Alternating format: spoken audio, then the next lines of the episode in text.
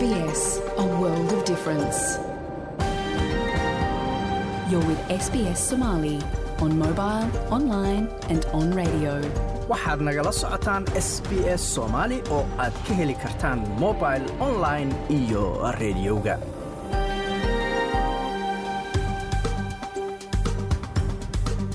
habeen wanaagsan dhammaantiinma meel kastoo aad naga dhegaysanaysaan waa habeen arbacaa bisha februaarina ay tahay sannadka labada kun iyo labaiyo labaatanka. Halkaad nagala socotaana waa laanta af soomaaliga ee idaacadda s b s oo si toosa idinkaga imanaysa stuudiogaanu ku leenahay magaalada melbourne. Magacayguna waa xasan jaamac. Idaacadda caawa waxyaalaha ad ku maqli doontaan waxaa ka mid ah.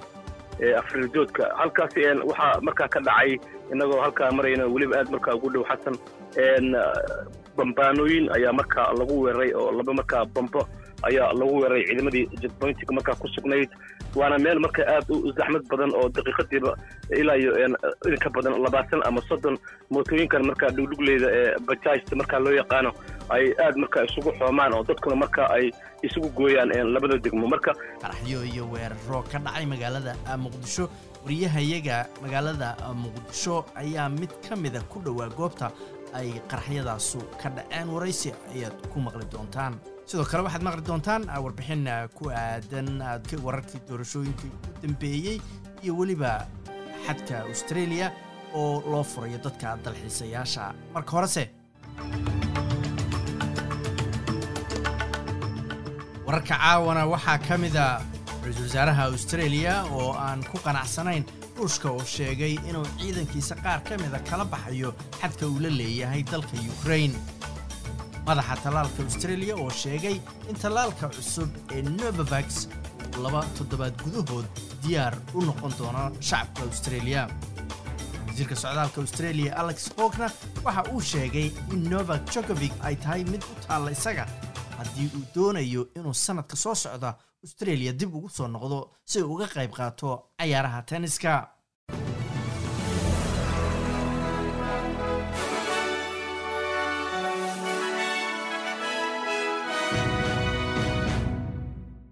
ra'iisul wasaaraha australia ayaa sheegay in wararka sheegaya in ruushku ciidankiisa uu kala baxayo xadka ukraine uusan isagu xaqiijin karin una malaynayn intaasi ay sax tahay. Scott morrison ayaa baarlamaanka u sheegay in weerarada dhanka internetka ee lagu qaaday ukraine ay yihiin kuwo liddi ku ah wararka sheegaya in ruushku ciidankooda ay dib u ceshanayaan wuxuu sheegay in ruushku ay tahay inuu si shuruud la'aana uga baxo xadka uu ukraine la leeyahay. Haddii ay ukraine weerartana waa ruushke uu wajihi doono cambaarayn caalamiya. Qaramada midoobey ayaa iyaduna sii wada dadaal ay ku doonayso in xal diblomaasiyadeed loo helo arrintan. Afhayeenka xogeeyaha guud ee qaramada midoobey stephen dujerich ayaa sheegay in mudnaanta koowaad la siinayo sidii dhibaatada looga dulqaadi lahaa shacabka. Our top priority now is to alleviate the people's suffering. You know, we welcome any and all mudnaanteenna koowaad hadda waa in dhibaatada laga dulqaado shacabka. sidaad la socotaan waxaanu soo uh, where dhoweynaynaa there's a risk of dhaqdhaqaaq kasta oo xaaladda lagu dejinayo. xaalad kasta oo colaad dhalin karta. taanu ka hadlayna ama mid kaleba ha ahaatee hadallada colaadda hurin kara oo khatarta ah waa in laga fogaado ayuu yidhi madaxa barnaamijka tallaalka ee australia general john fruin ayaa sheegay in tallaalka novavac la heli doono laba toddobaad gudahood. Wuxuu dhegaysi sanadka u sheegay in codsiyada tallaalka cusub oo ka kala yimid labaatan kun oo xarumood hadda la hayo ama la helay. Wuxuu intaa ku daray in tallaalka loo ansixiyey oo keliya inuu noqdo tallaalka koowaad ama ka labaad welina ay socoto qorsho qorshe lagu doonayo in loo ansixiyo in loo isticmaali karo nooca saddexaad ee boosterka la yidhaahdo victoria ayaa diiwaan gelisay siddeed iyo toban qof oo covid nneteen ugu geeriyooday iyadoo gobolka laga helay siddeed kun iyo boqol iyo afartan iyo sagaal kays oo cusub. Saddex boqol iyo sagaashan iyo toddoba bukaan ayaa cisbitaalada ugu jira caabuqa covid nneteen-ka iyadoo lixdan iyo sideed ka mid a ay ku jiraan qaybaha dadka liita ee cisbitaalada ee intensive careka la yiraahdo iyadoo saddex iyo toban ka mid a dadkaasina ay mashiin u baahan yihiin si ay u neefsadaan. Dhanka kalena new south wales ayaa ku dhawaaqday oo sidoo kale sheegtay in labaatan iyo toddoba qof ay covid-ka ugu geeriyoodeen gobolkaasi. Sidoo kalena laga diiwaangeliyey gobolka toban kun afar boqol iyo lixdan iyo saddex kays oo cusub oo covid nneteena waxaa gobolka waa new south walese cisbitaalada ugu jira xanuunka kun iyo afar boqol iyo toddobaatan iyo sideed oo sagaashan iyo laba ka mid a ay ku jiraan qeybta i c u-da. Tasmania ayaa diiwaan gelisay lix boqol iyo labaatan iyo shan kays oo cusub oo covid nneteena saddex iyo toban qof ayaana cisbitaalada ugu jirta caabuqa oo laba ka mid a ay ku jiraan qeybta xaaladda dadka liita la geeyo ee intensive careka la yidhaahdo saraakiisha caafimaadka queensland ayaa sheegay in inkastoo culaysku uu ka yaraanayo nidaamka cisbitaalada gobolka balse ay weli filayaan in cisbitaalada bukaan ay xanuunkan u soo geli doonaan bilaha iyo sanadada soo socda. Waxaa hadda caabuqa laga daaweynayaa afar boqol iyo afar bukaan tiradaas oo waxoogaa ka yar tii shalay oo bishu ay ahayd shan iyo toban. Tan ayaa imanaysa iyadoo gobolka ay labiyo toban qof ugu geeriyoodeen covid nneteen iyadoo sidoo kale laga diiwaan geliyey gobolka lix kun shan boqol iyo sagaashan iyo lix kays oo cusub oo covid nneteena wasiiradda caafimaadka queensland eveda ayaa sheegtay in aad weli loogu baahan yahay adeegyada caafimaad ee gobolka. When COVID settles down, there'll still be COVID cases, and the Chief Health Officer and I had this discussion earlier this week. There will marka xaaladda COVID nneteen-ku ay kala degto weli kaysas ayaa jiri doona. sarkaalka caafimaadka ugu sarreeya gobolka ayaa bilowgii toddobaadkan arrintaasi ka hadlayay ayay tiri the weli waxaa jiri doona bukaan covid qaba oo cisbitaaladeenna ku jiri doona bilaha soo socda haddiiba aysan noqon sannadaha soo socda ayay tiri. Marka waa inaanu maarayn karno laakiin tirada hadda aan aragno ma noqon doonto ayay tiri. Darawallada gawaarida xamuulka wada ee dalka canada oo ka dibadbaxayay tallaalka khasabka laga dhigayo ama waxa loo yaqaano vaccine mandate oo ku sugan dibadda baarlamaanka ottawa ayaa ku adkaysanaya go'aanka ay goobtaas ku sii joogayaan. Darawalladan ayaa sheegay inaysan ka tegin goobta maalin kadib markii ra'iisul wasaaraha dalkaasi justin trudeau uu soo rogay awoodo dheeraada oo xaaladda lagu maaraynayo wayne narvi oo ka mida dibadbaxayaasha ayaa sheegay in inta dowladdu ay diidayso inay nala shaqayso aanan wax dhaqdhaqaaqa samayn doonin ayuu yidhi We are here peacefully with lots of love, and we're going to hold the line. So we're not going nowhere. si nabad iyo jacayl ku jiro ayaan halkan ku joognaa mana ka tegayno meelna uma soconno. ilaa la qaado ayuu yidhi ama la joojiyo go'aamadaas qasabka ka dhigaya tallaalka si kasta oo ay isugu dayaan inay nahandadaan waannu adkaysanaynaa. Waxaa nahay dad u adkaysanaya wax kasta oo ay nagu sameeyaan. Waana naqaan sidaannu uga dabaalan lahayn ayuu yidhi wayne taliyihii booliska ottawa ayaa is-casilay. Kadib markuu wajahay dhaliilo la xiriira sida uu u maareeyey xaaladda. Kursigii ay hore ugu fadhiday primiyaaradii hore ee gobolka new south wales gladys barjiclian ee la yidhaahdo wellaby oo ku yaal waqooyiga sydney ayaa weli cidda ku guulaysatay shaki ku jira. Kadib afar doorashooyin gaara oo lagu qabtay gobolka sabtidii la soo dhaafay. Tim james oo ka tirsan xisbiga liberaalka ayaa konton iyo kow dhibic sagaal boqolkiiba ku hogaaminaya larisa penn oo ah musharaxad madax bannaan oo iyadu haysata afartan iyo siddeed dhibic hal boqolkiiba. Laakiin iyadoo ay weli socdaan tirinta codadku ayuu khasnajiga new south wales matt keen uu ku kalsoon yahay in kursigan xisbigiisu uu sii haysan doono. Wuxuu saaka la hadlayay idaacadda sydney ee two g b Let's not forget the last time Willoughby went to election, which was when Gladys ran in 2003.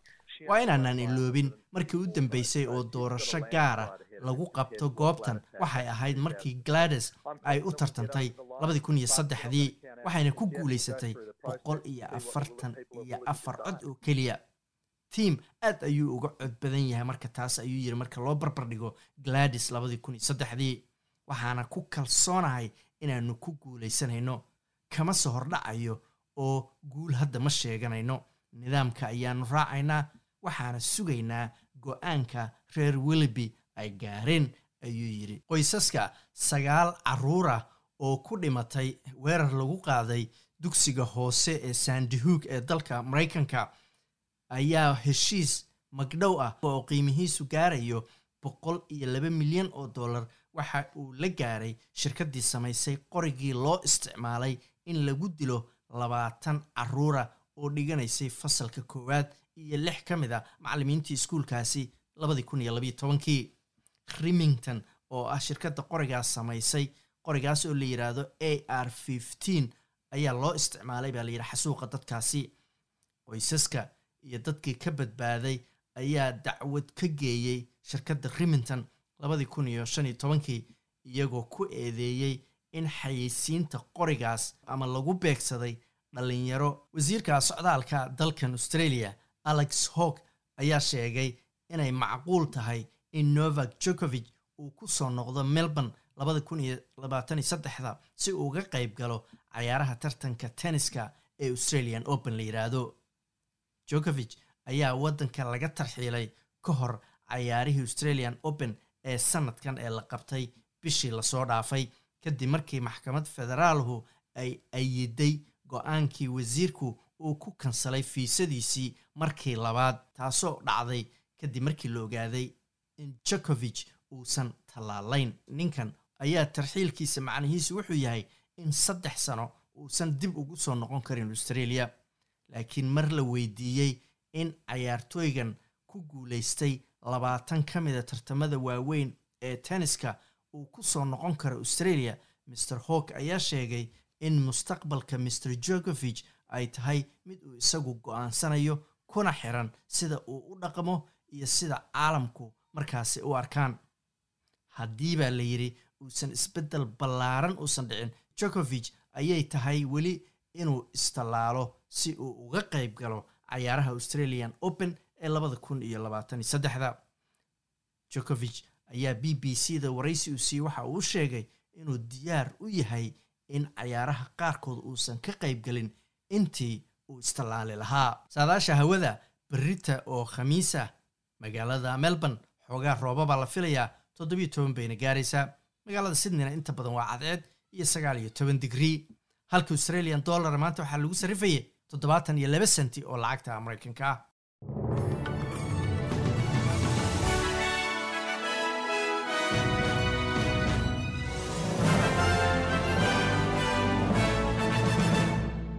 halkaad weli nagala socotaan waa laanta af soomaaliga ee idaacadda s b s. Waxaa noo soo socotaa warbixin ku aadan nidaamka loo yaqaano xeer beegtada ee dalkan australia iyo maxkamadiisu ay ku shaqeeyaan. Warbixin ku saabsan ayaad maqli doontaan. Marka horese magaalada muqdisho subaxii hore ee saaka waxaa ka dhacay lix weerar oo laba ka mida ay aada u waaweynaayeen kuwaasoo ka dhacay xaafadda kaxda la yiraahdo iyo weliba daarusalaam mid ka mid a goobaha weeraradaasoo ay ka dhaceen waxaa ku dhowaa oo ilaahay uu ka badbaadiyey wariyahayaga magaalada muqdisho cabdixafiid cabdisamed saciinka oo khadka telefoonka iigu waramay isagoo aan weydiiyey bal dhacdadii isagu uu goobjoogga u ahaa waxaana u yidhi xasan aada u mahadsan tahay abaaro salaadii cisho ee xilliga muqdisho xalay ayay ahayd markii goob markaasi isgoyska u dhexeeya degmooyinka xamarweyne iyo xamar jajab islamarkaana waddada marka aada isbitaalka weyn ee martini halka oo markaa jackpointy ama markaasi goob gawaarida mootooyinka ay ku baaraan u ah ciidamo biliis oo ka tirsan saldhigga degmada xamarweyne afridoodka halkaasi waxaa markaa ka dhacay inagoo halkaa marayna weliba aad markaa ugu dhow xasan bambaanooyin ayaa markaa lagu weeraray oo laba markaa bambo ayaa lagu weeraray ciidamadii jackpointiga markaa ku sugnayd waana meel marka aad u zaxmad badan oo daqiiqadiiba ilaa iyo in badan labaatan ama soddon mootooyinkan markaa dhugdhugleyda ee bajajta markaa loo yaqaano ay aad marka isugu xoomaan oo dadkuna marka ay isugu gooyaan labada degmo. Marka laba marka bambaano oo isdaba jooga ayaa markaa halkaa lagu weeraray ciidamadii markaa ku sugnaa jawiga ayaa markaa isbedelo rasaas aad u xoog badan oo ilaa iyo shan daqiiqa ku dhowaad markaa socotay ayaa kadib halkaa ka dhacday oo dhammaanba dadkii qaar carara iyo qaar markaa xabadka markaasi laamiga ku jiifta ayay markaa noqdeen oo wax dhaqaaqa markaa la waayey markii rasaas ilaa shan jir shan markaa daqiiqa ay socotay. Waxaa halkaa markaa dhaawac markaa ku gaaray. Mid ka mid a wiil markaa dhalinyaro ahaa oo aad markaa deegaanka gaar ahaan waddadaas markaa caan uga ahaa oo raysle ama timajare markaa ku lahaa halka markaas ciidamadu ay joogeen. Meel aad markaa ugu dhow halka ayuu markaa ku dhaawacmay. Si la mid a mid ka mid a ciidamada halka ku sugnayd ayaa dhaawac fudud soo gaaray laakiin dhaawac markaa gaaray wiilka markaasi dadka rays ka mid ahaa ayaa aad u culus oo markaasi caloosha iyo sidoo kale lugta markaasi aad markaa u burburtay. Waa gartay allaha caafiya ilaahay hawbooga dhayaan leenahay. Weerarkaas ka sokow ilaa shan weerar oo kale ayaa magaalada ka dhacay. Bal kuwa ugu waaweynaa oo ay ka mid ahayd kaxda bal haddaad noo dulmarti sida wax u dhaceen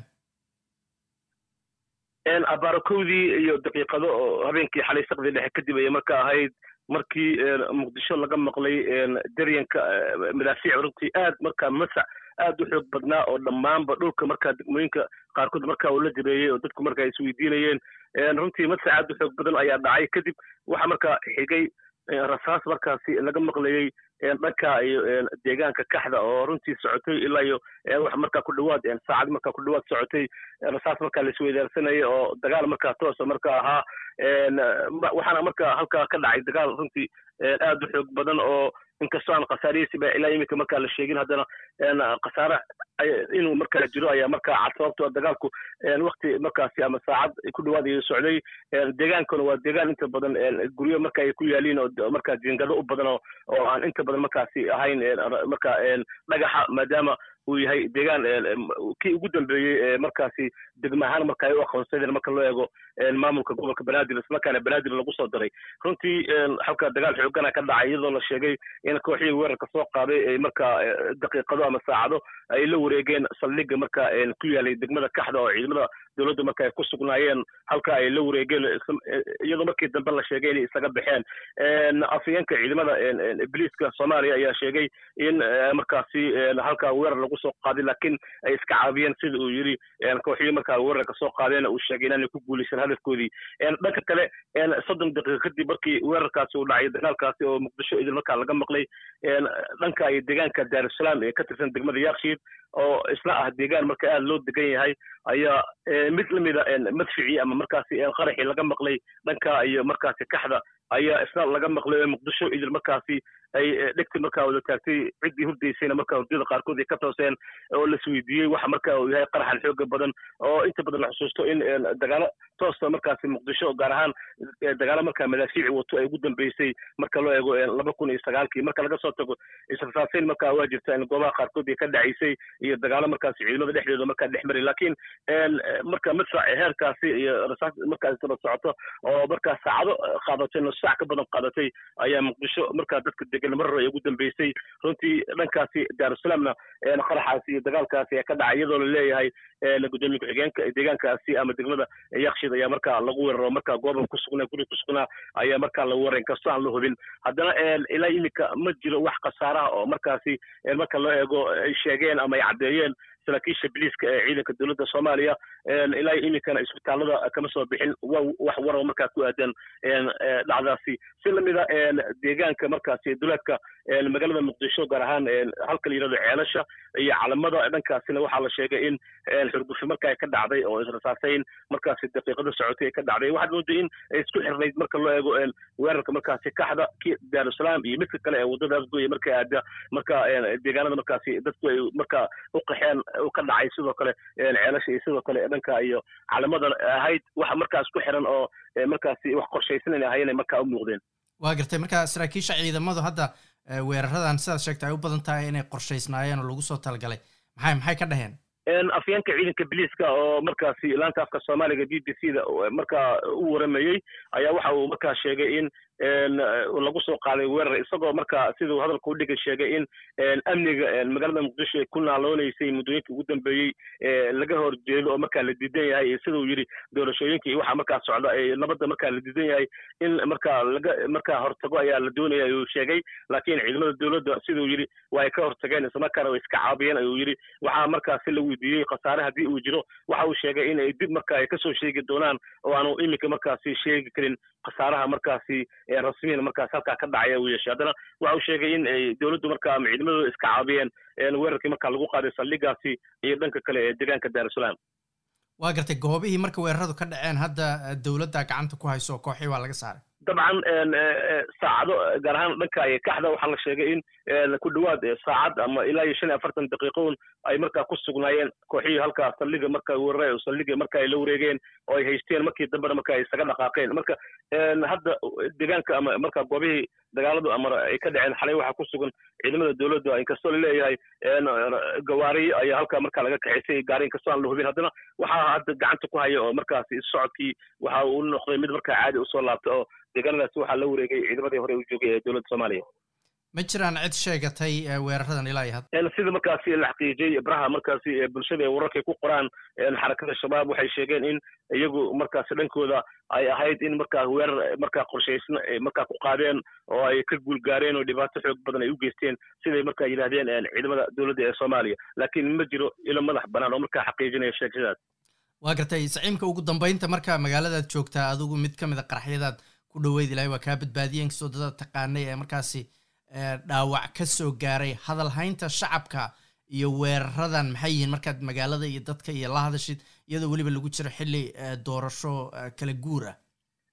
Waxaana dadku markaa ay leeyihiin isbedeladan iyo sidoo kale maalmihii ugu dambeeyeyba xasan bilihii ugu dambeeyey xaaladda dhanka nabadgelyada ee muqdisho inkastoo dagaalo toosa marka aanay jirin iyo sidoo kale madaafiicda hadda dhacday oo kale haddana nabadgelyo dhanka nabadda waxay ahayd mid markaasi aad markaa u soo xumaanaysay waxaa dhacayay dilal qorshaysan oo degmooyinka iyo xaafadaha qaarkood ka dhacay. Laakiin ma jirin weerar kii midkii xalay oo kale markaa ahaa oo markaa saacado qaato muqdisho ijir marka laga wada maqlay. Haddana dadku waxay markaa leeyihiin ma garan karno sida marka waxay isu bedelayaan arrinta doorashada miyay markaasi la micno tahay ma doorashada ayaa markaasi lagu soo aadiyey rabshadahan. Ma waxay noqon doonaan kuwo sii socda. Dadku dhegaha ayaa markaa u taagnaa tan iyo xalay ilaa iyo saaka oo waddooyinka oo idil ayaa marka aad dadku ay markaa uga sheekaysanayaan wixii xalay dhacay iyo sida markaasi ay ahaayeen sida xaaladda markaa isu bedeli karto.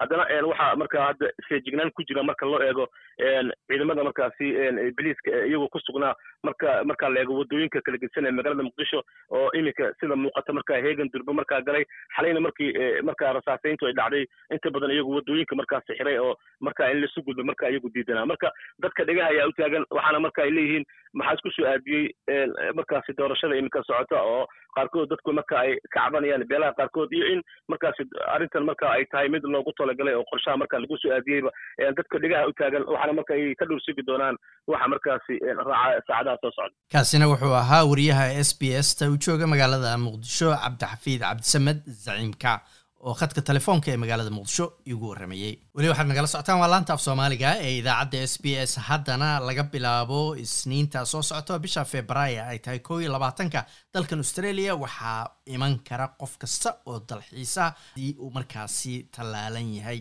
Waxaa jira rajo weyn iyadoo qoysas badani ay u diyaargaroobayaan inay mar kale dib u midoobaan. Ganacsatada iyo shirkadaha diyaaraduhuna ay isu diyaarinayaan dib u furidda xadka caalamiga oo isniinta bishan februaayo ay tahay labaatan iyo kowda dib u furmi doonaa. Dadka qaar ayaa laba sano sugayay inay arkaan xubno ka tirsan qoyskooda oo ah dad ay jecel yihiin oo ku nool dalka dibaddiisa. Ganacsatada qaarkoodna ay intii tabartooda isku dayayeen inay ka gudbaan wakhtigii adkaa.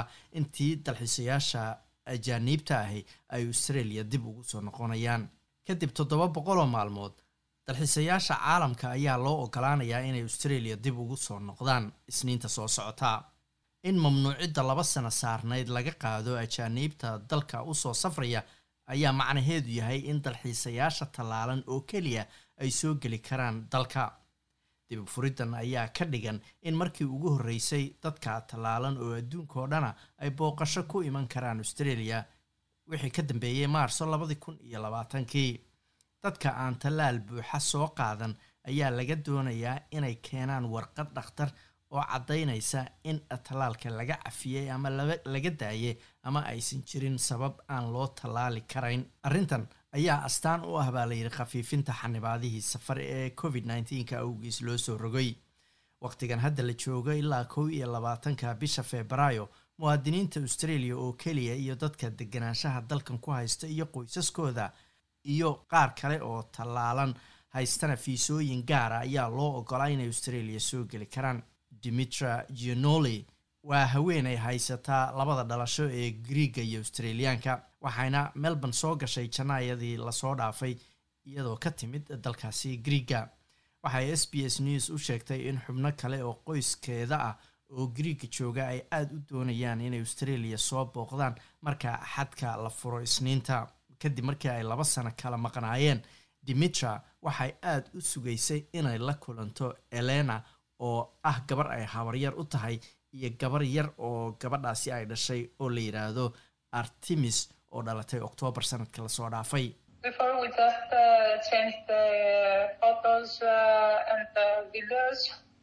uh, the inta aanan iman sida keliya ee aanu isku arki jirnay waxay ahayd sawirro iyo fiidiyoyo iyo inaannu muuqaal fog isku wacno. Sidaas oo keliya ayaan ku arki jiray gabadhan yar. Jannaaya ayaan imid waxaana fursad u helay inaan qof ahaan u arko oo aan ilmaheeda ilmahan yar hab siiyo. Laba sano ka hor elena iyo wiilka ay isu doonan yihiin ayaa doonayay inay gariigga isku aroosaan ama ku aqalgalaan laakiin ma ay dhicin.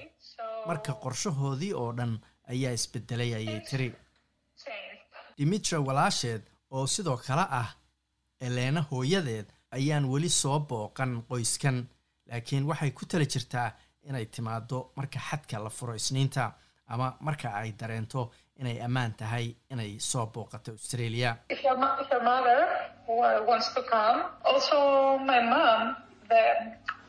Eleena hooyadeed waxay doonaysaa inay australia timaado sidoo kale hooyaday oo eleena ayeydeed ah waxay rabtaa inay dalka timaado si ay gabadhan yar u soo aragto. Laakiin cabsida aan ka qabnay covid 19ka ma aysan imaan karin jannaayo waxaan ka baqaynay safarka oo dhan iyo inaannu dadka aan kula kulmayno diyaaradaha xanuunka ka qaadno. Marka waxaan isnidhi aynu iska joogno. Waa kulan ay mid la mida qoysas badani aad u sugayaan iyadoo dad badani ay aad u rabaan inay qaraabadooda oo dalka dibaddiisa jira ay soo booqdaan sannadkan ganacsatada ayaa sidoo kale aad u sugaya soo noqoshada dalxiisayaasha caalamiga ah. Tourism research australia ayaa sheegtay in lacagaha lagu waayay dalxiisayaasha oo maqan awgeed ay gaarayaan ilaa bilowgii faafka boqol iyo kow dhibic toddoba bilyan oo doolar adeer lowry bimson oo maamula guringay aboriginal tours oo ah shirkad dalxiis oo ay leeyihiin maamulaana dad aboriginala kuna taal waqooyiga sydney. Wuxuu noloshiisa ka helaa inuu dalxiisayaasha soo tuso oo uu geeyo kuna wareejiyo kurungay chase national park. Mr bimson ayaa s b s news u sheegay in dadka danaynaya inay wax dheeraada ka bartaan dhaqanka bulshada guringay uuna aad u sugayo in dalxiisayaashu ay dib ugu soo noqdaan dalka. Uh, haa aad bay muhiim u tahay.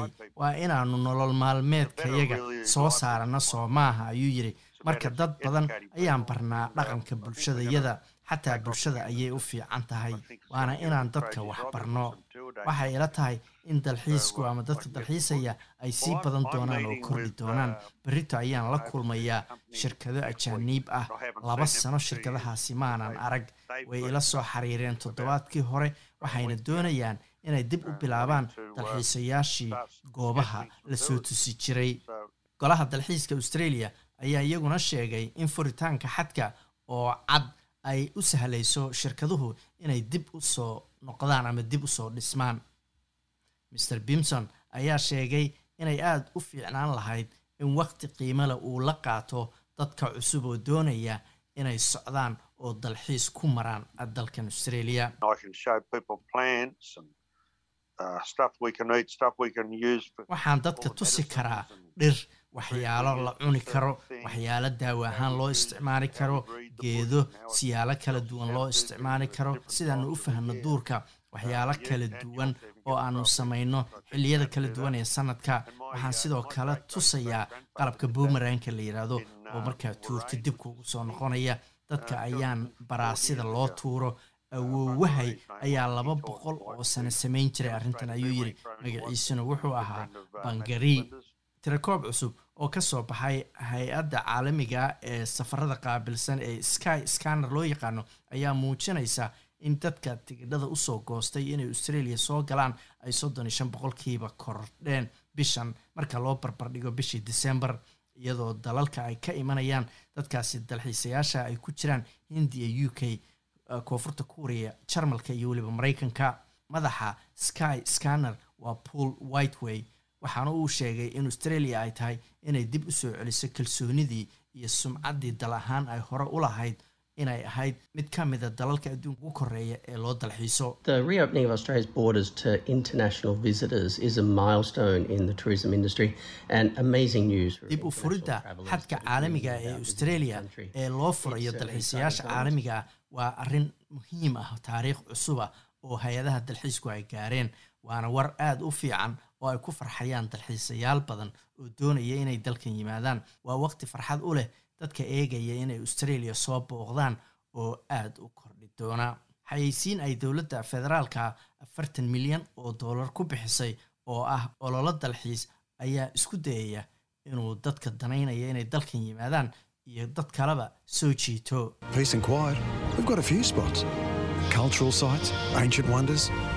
Wasiirka dalxiiska australia dan tian ayaa doonaya in gobollada dalku ay qaadaan tallaabooyin midaysan marka laga hadlayo dalxiiska caalamiga ah.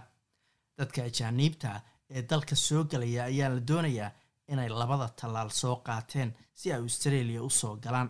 Laakiin waxaa jira warar sheegaya in gobollada qaar sida victoria ay dhici karto inay dalxiisayaasha ka dalbadaan inay soo qaateen tallaalka saddexaad ee buusterka la yidhaahdo taasoo macnaheedu yahay waa inaad saddex tallaal qabto si lagula dhaqmo inaad tahay qof si buuxda u tallaalan. Halkaad weli nagala socotaan waa laanta af soomaaliga ee idaacadda s b s. Waxaan weli bartamaha kaga jirnaa idaacaddeenii caawa wararkana waxaa ugu waaweynaa ra'iisul wasaaraha australia scott morrison oo sheegay inuusan ku qanacsanayn hadalkaa sheegaya in ruushku ay ciidamadooda qaar ka mida kala baxayaan xadka uu la leeyahay ukraine madaxa tallaalka australiana waxa uu sheegay in tallaalka cusub ee novavac uu diyaar u noqon doono in loo isticmaalo australia gudaheeda muddo toddobaadyo gudahooda. Wasiirka socdaalka australia alex hogna waxa uu sheegay inay u taalo novak jokovich haddii uu doonayo inuu sanadka soo socda ka qayb galo cayaaraha tenniska ee australian open iyo in kale. Weli waxaa noo soo socda warbixin uu noo soo diray waryahayaga magaalada muqdisho oo ku aadan arrimaha doorashada soomaaliya. Markaa horese australia waxa uu leeyahay nidaam la yiraahdo jury system oo macnaheedu yahay in kaysaska qaarkood marka maxkamadaha dadka dacwadu ay ku socoto in loo sameeyo dad xeer beegta. Ah haddaba nidaamkaas sida uu u shaqeeyo ayaanu warbixinayna ka diyaarin. Waa maxay waajibaadka xeer beegtadu? Yaase loogu yeeri karaa inay ka qayb galaan ama qayb ka noqdaan xeer beegtada qof kasta oo australiyaana oo ku jira diiwaanka doorashada waxaa loogu yeeri karaa inuu ka qayb noqdo xeer beegto laakiin maxaa lagaa doonayaa haddii lagugu yeero inaad ka mid noqoto xeer beegto maxaysan yihiin xeer beegtadu xeer beegtadu waxay qayb weyn ka yihiin nidaamka garsoorka australia. Waa waajib madani ah oo saaran muwaadin kasta oo australiyaana inuu guto hawsha xeer beegtanimada markii loogu yeero. Dadkana waxa ay mutaysan karaan ganaax haddii aysan ka qaybgelin xeerbeegtada marka loogu yeero. Adeega xeerbeegtadu wuxuu oggolaanayaa in bulshadu door firfircoon ay ka qaataan maamulka iyo fulinta garsoorka dalka. Dor andrew burk wuxuu wax ka dhigaa kuliyadda sharciga ee jaamacadda macquari Juries are a way of involving the community in the legal process. And in that sense, juries are part of Australian xeerbeegtadu waa qaab bulshada looga qaybgelinayo nidaamka garsoorka dalka sidaas awgeedna xeerbeegtadu waxay qayb ka yihiin dimuqraadiyadda australia. marka markii qof lagu soo oogo dembi culus cidda go'aamisa in qofkaas uu galay dembigaas iyo in kale ma aha qareen ama xaakin ee waa labiyo toban qof oo shacab caadiya ah oo bulshada ka tirsan oo xeerbeegtadu ay ka kooban tahay ayuu yidhi brofesorku xeerbeegtada australia waxaa loo isticmaalaa oo keliya dacwooyinka qaarkood sida ay sharaxayso jacki horan oo brofesorad ka ah kuliyadda sharciga ee jaamacadda monash. The juries in Australia are only in cases that are very serious, so we have them for murder trials. xeerbeegtada waxaa australia looga isticmaalaa kaysaska dembiyada aadka u culus.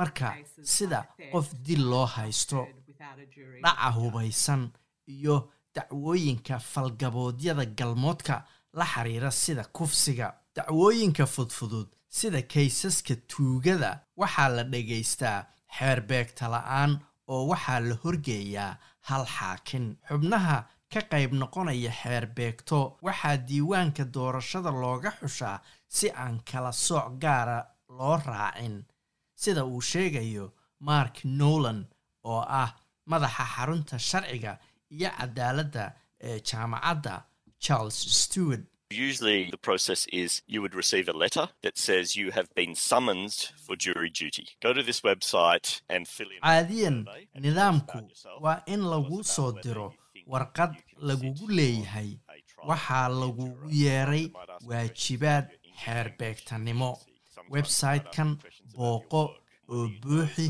ama ka jawaab su'aalaha noona sheeg qofka aad tahay iyo inaad ka qayb qaadan karto dacwo oo aad xeerbeegto noqon karto. Mararka qaarna waxay ku weydiinayaan su'aalo ku saabsan inaad af ingiliishka si fiican ugu hadli karto iyo in kale. Mararka qaarkoodna waxay ku weydiinayaan shaqada aad qabato iyo inaad taqaan dadka dacwadda ku lug leh iyo in kale. Inta badan xeerbeegtadu waxay ka kooban tahay laba iyo toban qof laakiin mararka qaar way ka yaraan karaan sida ay sharaxayso brofesor horan shuruucda la xiriirta xeerbeegtaduna way ku kala duwan yihiin gobollada dalka In the serious criminal cases, the number of jurors in a case isn't always the same. It depends on the different parts of Australia. dembiyada aadka u culculus tirada xeerbeegtadu mar kasta isma leeka. Waxay ku xiran tahay hadba gobolka aad joogto laakiin caadiyan waa labiyo toban qof. Meelaha qaarkood australia waxaa xeerbeegto loo qabtaa kaysas madani ah sida maraykanka oo kale.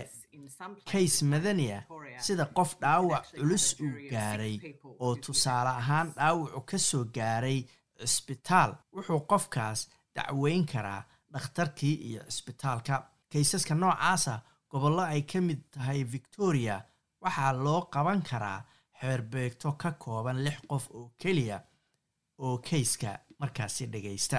Xaaladaha qaarkood qofka xeerbeegtada loogu yeeray waa laga dhaafi karaa inuu ka qayb qaato. Sida haddii qofku yahay qof hal waalid oo carruur yaryar haysta ama qof maamula ganacsi yar oo haddii uu ganacsigiisa ka maqnaado ay saameyn ku yeelan karto sida uu dr bog marka la sharaxayo The Jury Act exempts some categories of people from jury duty. For example, lawyers. I'm exempt from being a juror because I'm a lawyer. Also, people with very important jobs. xeerka xeerbeegtada ayaa ka cafiya ama ka dhaafa dadka qaarkood tusaale ahaan anigoo kale waa la iga dhaafay maadaama aan ahay qareen. Sidoo kale dadka shaqooyinka muhiimkaa haya waa laga dhaafaa. Haddii aad tahay dhakhtar ka shaqeeya xaaladaha degdega ama kalkaaliso caafimaad inta lagu jiro faafka covid nneteen waa lagaa dhaafayaa inaad xeerbeegta noqoto. Sidoo kale haddii qofku uusan si fiican wax u maqli karin ama dhibaato weyn oo caafimaad uu qabo ama uu xanaaneeyo dad waayeel ah oo aysan ka maqnaan karin waa laga dhaafayaa ka qaybgalka xeerbeegtanimada. Dr bog ayaa sheegay in haddii qofka xeerbeegtada ah uusan dhammaysan karin wakhtiga dacwaddu soconayso ay tahay inay sii sheegaan ka hor inta aan dacwaddu bilaaban At the very beginning, before the trial starts, the judge or the Crown prosecutor will give a brief description to the jurors to say that this is what the charge. bilowga hore ee dacwadda xaakinka ama dacwad oogaha ayaa sharaxaad gaaban siinaya xeerbeegtada iyagoo ku leh ama u sheegaya dembiga la soo oogayo waa noocan caddaymaha aad maqli doontaan waa kuwan waxaa dhici karta in dacwada ay ku jiraan caddaymo naxdin leh ama sawiro iyo muuqaallo naxdin leh. Marka ay sharaxaaddaas siiyaan ayay weydiinayaan dadka xeerbeegtada ah in haddii aadan dhagaysan karin ama aadan si eexla-aana u dhagaysan karin dacwadaas haddeer noo sheeg si lagaaga dhaafo. Marka dacwadu bilaabatana xeerbeegtada ayaa dhagaysanaysa dhammaan caddaymaha loo soo bandhigay sida uu sharaxaya mar kale dor berg So the jury must be there for all the evidence. So all the witnesses giving evidence, they see all of the photographs, any video, DNA. marka xeerbeegtadu waa inay dhegaystaan dhammaan caddaymaha kayska sida markhaatiyada la waraysanayo waxaa la tusayaa oo kale muuqaalo sawiro iyo waxa d n a-da loo yaqaano ama baaritaanada hidasidaha iyo nooc kasta oo caddaymo kalaa oo la soo bandhigo. Laakiin way ka maqan yihiin goobta marka laga doodayo waxa sharcigu dhigayo. Kadibna marka doodaas laga heshiiyo ayaa dib qolka loogu soo celiyaa xeerbeegtada markaas ayuu xaakinku u sharaxayaa xeerbeegtada sharciga ay tahay inay ku saleeyaan go'aankooda ah inuu qofku galay dembiga ama uusan gelin marka xeerbeegtada la isu keeno inta badan waxaa la siiyaa awaamiir ah inaysan qofna kala hadli karin kayska ama aysan macluumaad ku saabsan kayska ka raadin karin internetka sida ay sheegtay dor horan. Xeerbeegtada ayaa caadiyan dacwada dhagaysata inta u dhaxaysa toddobo ilaa laba-iyo toban maalmood balse kaysaska qaar ayaa waqti ka dheer qaata sida kuwa la xiriira argagixisada oo qaadan kara bilo ama ku dhowaad sannad xeerbeegtada inta badan waxaa si hordhaca loo sii weydiiyaa inay waqti u hayaan haddii loo xusho inay ka qayb galaan dhagaysi dacwo waqti dheer soconaysa.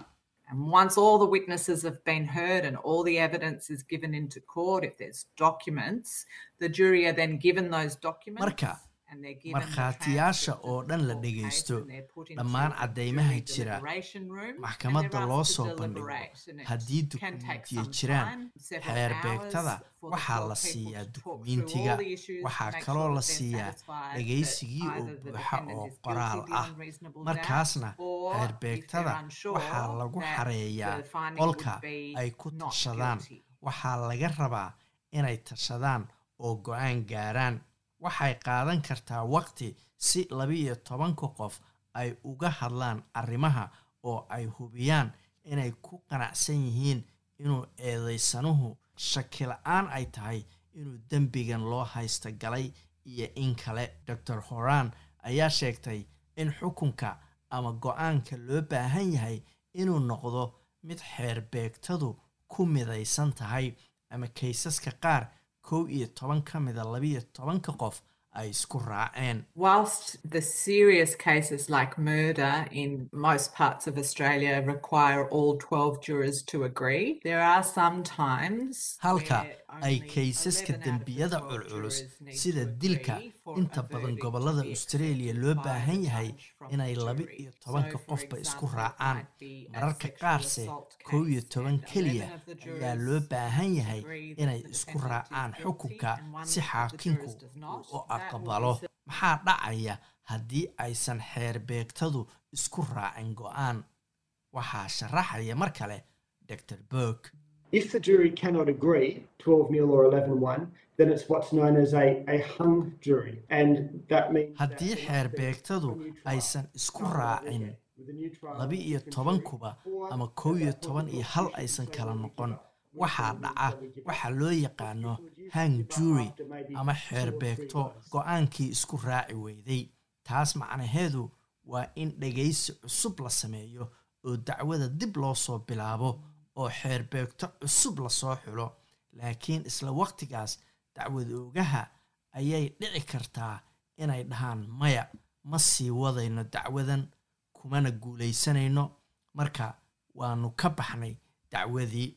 Inta badanse dacwad ooguhu waxay ka baxaan oo joojiyaan dacwadaha markii laba jeer ay xeerbeegtadu isku raaci weydo. Qofka xeerbeegtada ah lacag ayaa la siiyaa inta ay ku guda jiraan hawshan it is a requirement of everybody's boss that they paid the equivalent of what they'd normally be paid for. waa waajib saaran madaxda ama hadba shirkadda qofka xeerbeegtada ah loo soo xushay uu u shaqeeyo.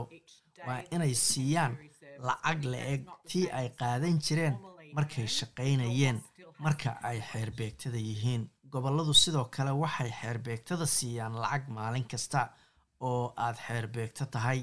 Laakiin haddii aysan taasi u dhigmin lacagtii aad shaqada ka qaadan jirtay markaa shaqada ayaa ku qasban inay bixiyaan lacagtaas ama inta ka dhiman. Inkastoo dadka intooda badan ay bilowga ka cabsadaan inay ka mid noqdaan xeerbeegtada dadka ka soo qayb qaatay ayaa hadda intooda badan aad u qiimeeya khibradoodii waatan dr horan. It's not very often in your life that you get to do somebody else's job for a week or two.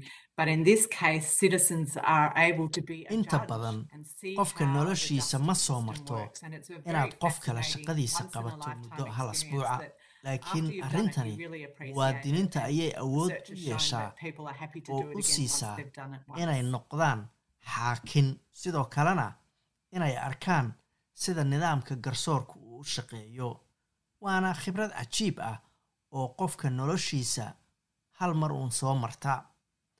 Daraasad la sameeyey ayaana muujinaysa in dadkii soo maray xeerbeegtanimada ay mar kale samayn lahaayeen haddii loogu yeero.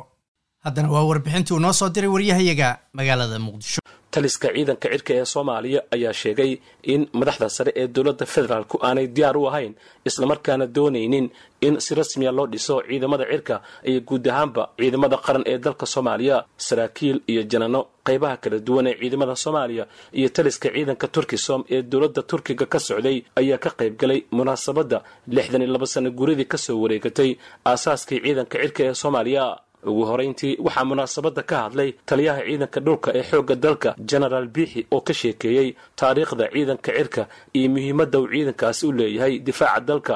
Runtii taariikhda ciidanka cirka oo ciidankeenna cirka weliba ah halkan laguma soo koobi karo. Waxaa iiga habboon inay afkooda ka sheegaan saraakiilaan ogahay aqoonta iyo xoogaalnimada ay u leeyihiin oo goobta fadhiya.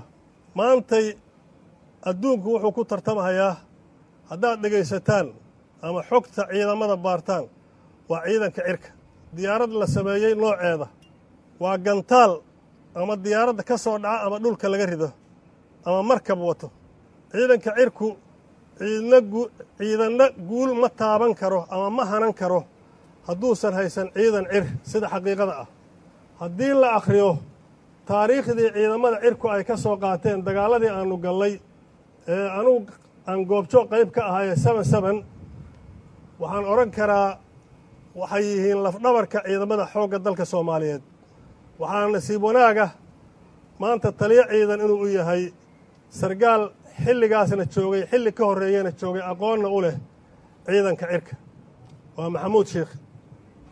Aad baan ugu faraxsanahay inuu maantana taliyo u yahay isagoo xilliyo badan oo ciidanku cirka ay soo mareen goobjoog ka ahaa. Kuma dheeraanahayo waxaan rabaa ummadda soomaaliyeed meelay joogaanba ciidamada xoogga dalka soomaaliyeed waxay soo mareen marxalado kala duwan. Maantana marxalad baan joognaa berrina mid baa noo hartay aannu ku hanan doonno shacabka soomaaliya meel uu joogaba haddii ilaahay yidhaahdo inay nabadgelyo ku seexdaan. Taliyaha ciidamada cirka ee soomaaliya jenaraal maxamuud sheekh dable baylote ayaa dhankiisa khudbad muhiim ahayd goobta ka jeediyey isagoona carabka ku dhuftay in dowladdu aanay doonaynin dhismaha iyo tayaynta ciidamada cirka isagoona tusaale u soo qaatay tallaabo dalka turkiga uu ku doonayey inuu ku dhiso ciidanka cirka ee soomaaliya hase yeeshee ay ka gaabisay dowladda toban. Wasaaradda gaashaandhigga ma gelinin wakhtigii ku habboonaa ciidanka. Madaxda kale iska badaaba maba ogaba kuwa kale inuu jariyeen kala ciidankan asaa isku filan. Dhaqaalihiista xeradiisuu kala soo baxayaa wuu haystaa. Tuba yaan la gashanin laakiin wixii ha loo keeno waddamada diyaar noo yihiin. Walaalaha annaga turki. Anugu waan ugu mahad celinaya aad iyo aadaan ugu mahad celinayaa. Waddamo kale qatar ka mid tahay. Masar ka mid tahay. Xataa hadda maraykankii baa maalmahaan xodxodasho soo bilaabay. Dad walba diyaaray u yihiin. Laakiin annagaa diyaar ahay. Dowladdannadaa diyaar ahay two thousand sixteenkii ayay qortay nimankii turkisom oo muxuu ahaa la taliyaha ahaa. Qorshihii ciidankaa lagu dhisi lahaa. Hal qof oo saxiixaa la waaya hal qof oo dowladda ka tirsan oo la yidhaahda qorshahaas noo fuliya safaaradda ama military ataajeega turkigana wuxuu u gudbiyey qorshahaas. Wasaaradda gaashaandhigga wasaaradda arrimaha dibadda intaba uu gudbiyey waad ku mahadsan tahay inaad dhegaysato raadiyaha s b s. Toos u dhegaysa barnaamijka habeenada arbacada iyo jimcada tobanka fiidnimo. Ama kaga soo cesho website-ka iyaga iyo s b s radio app. Booqo s b s com au xariijin soomaali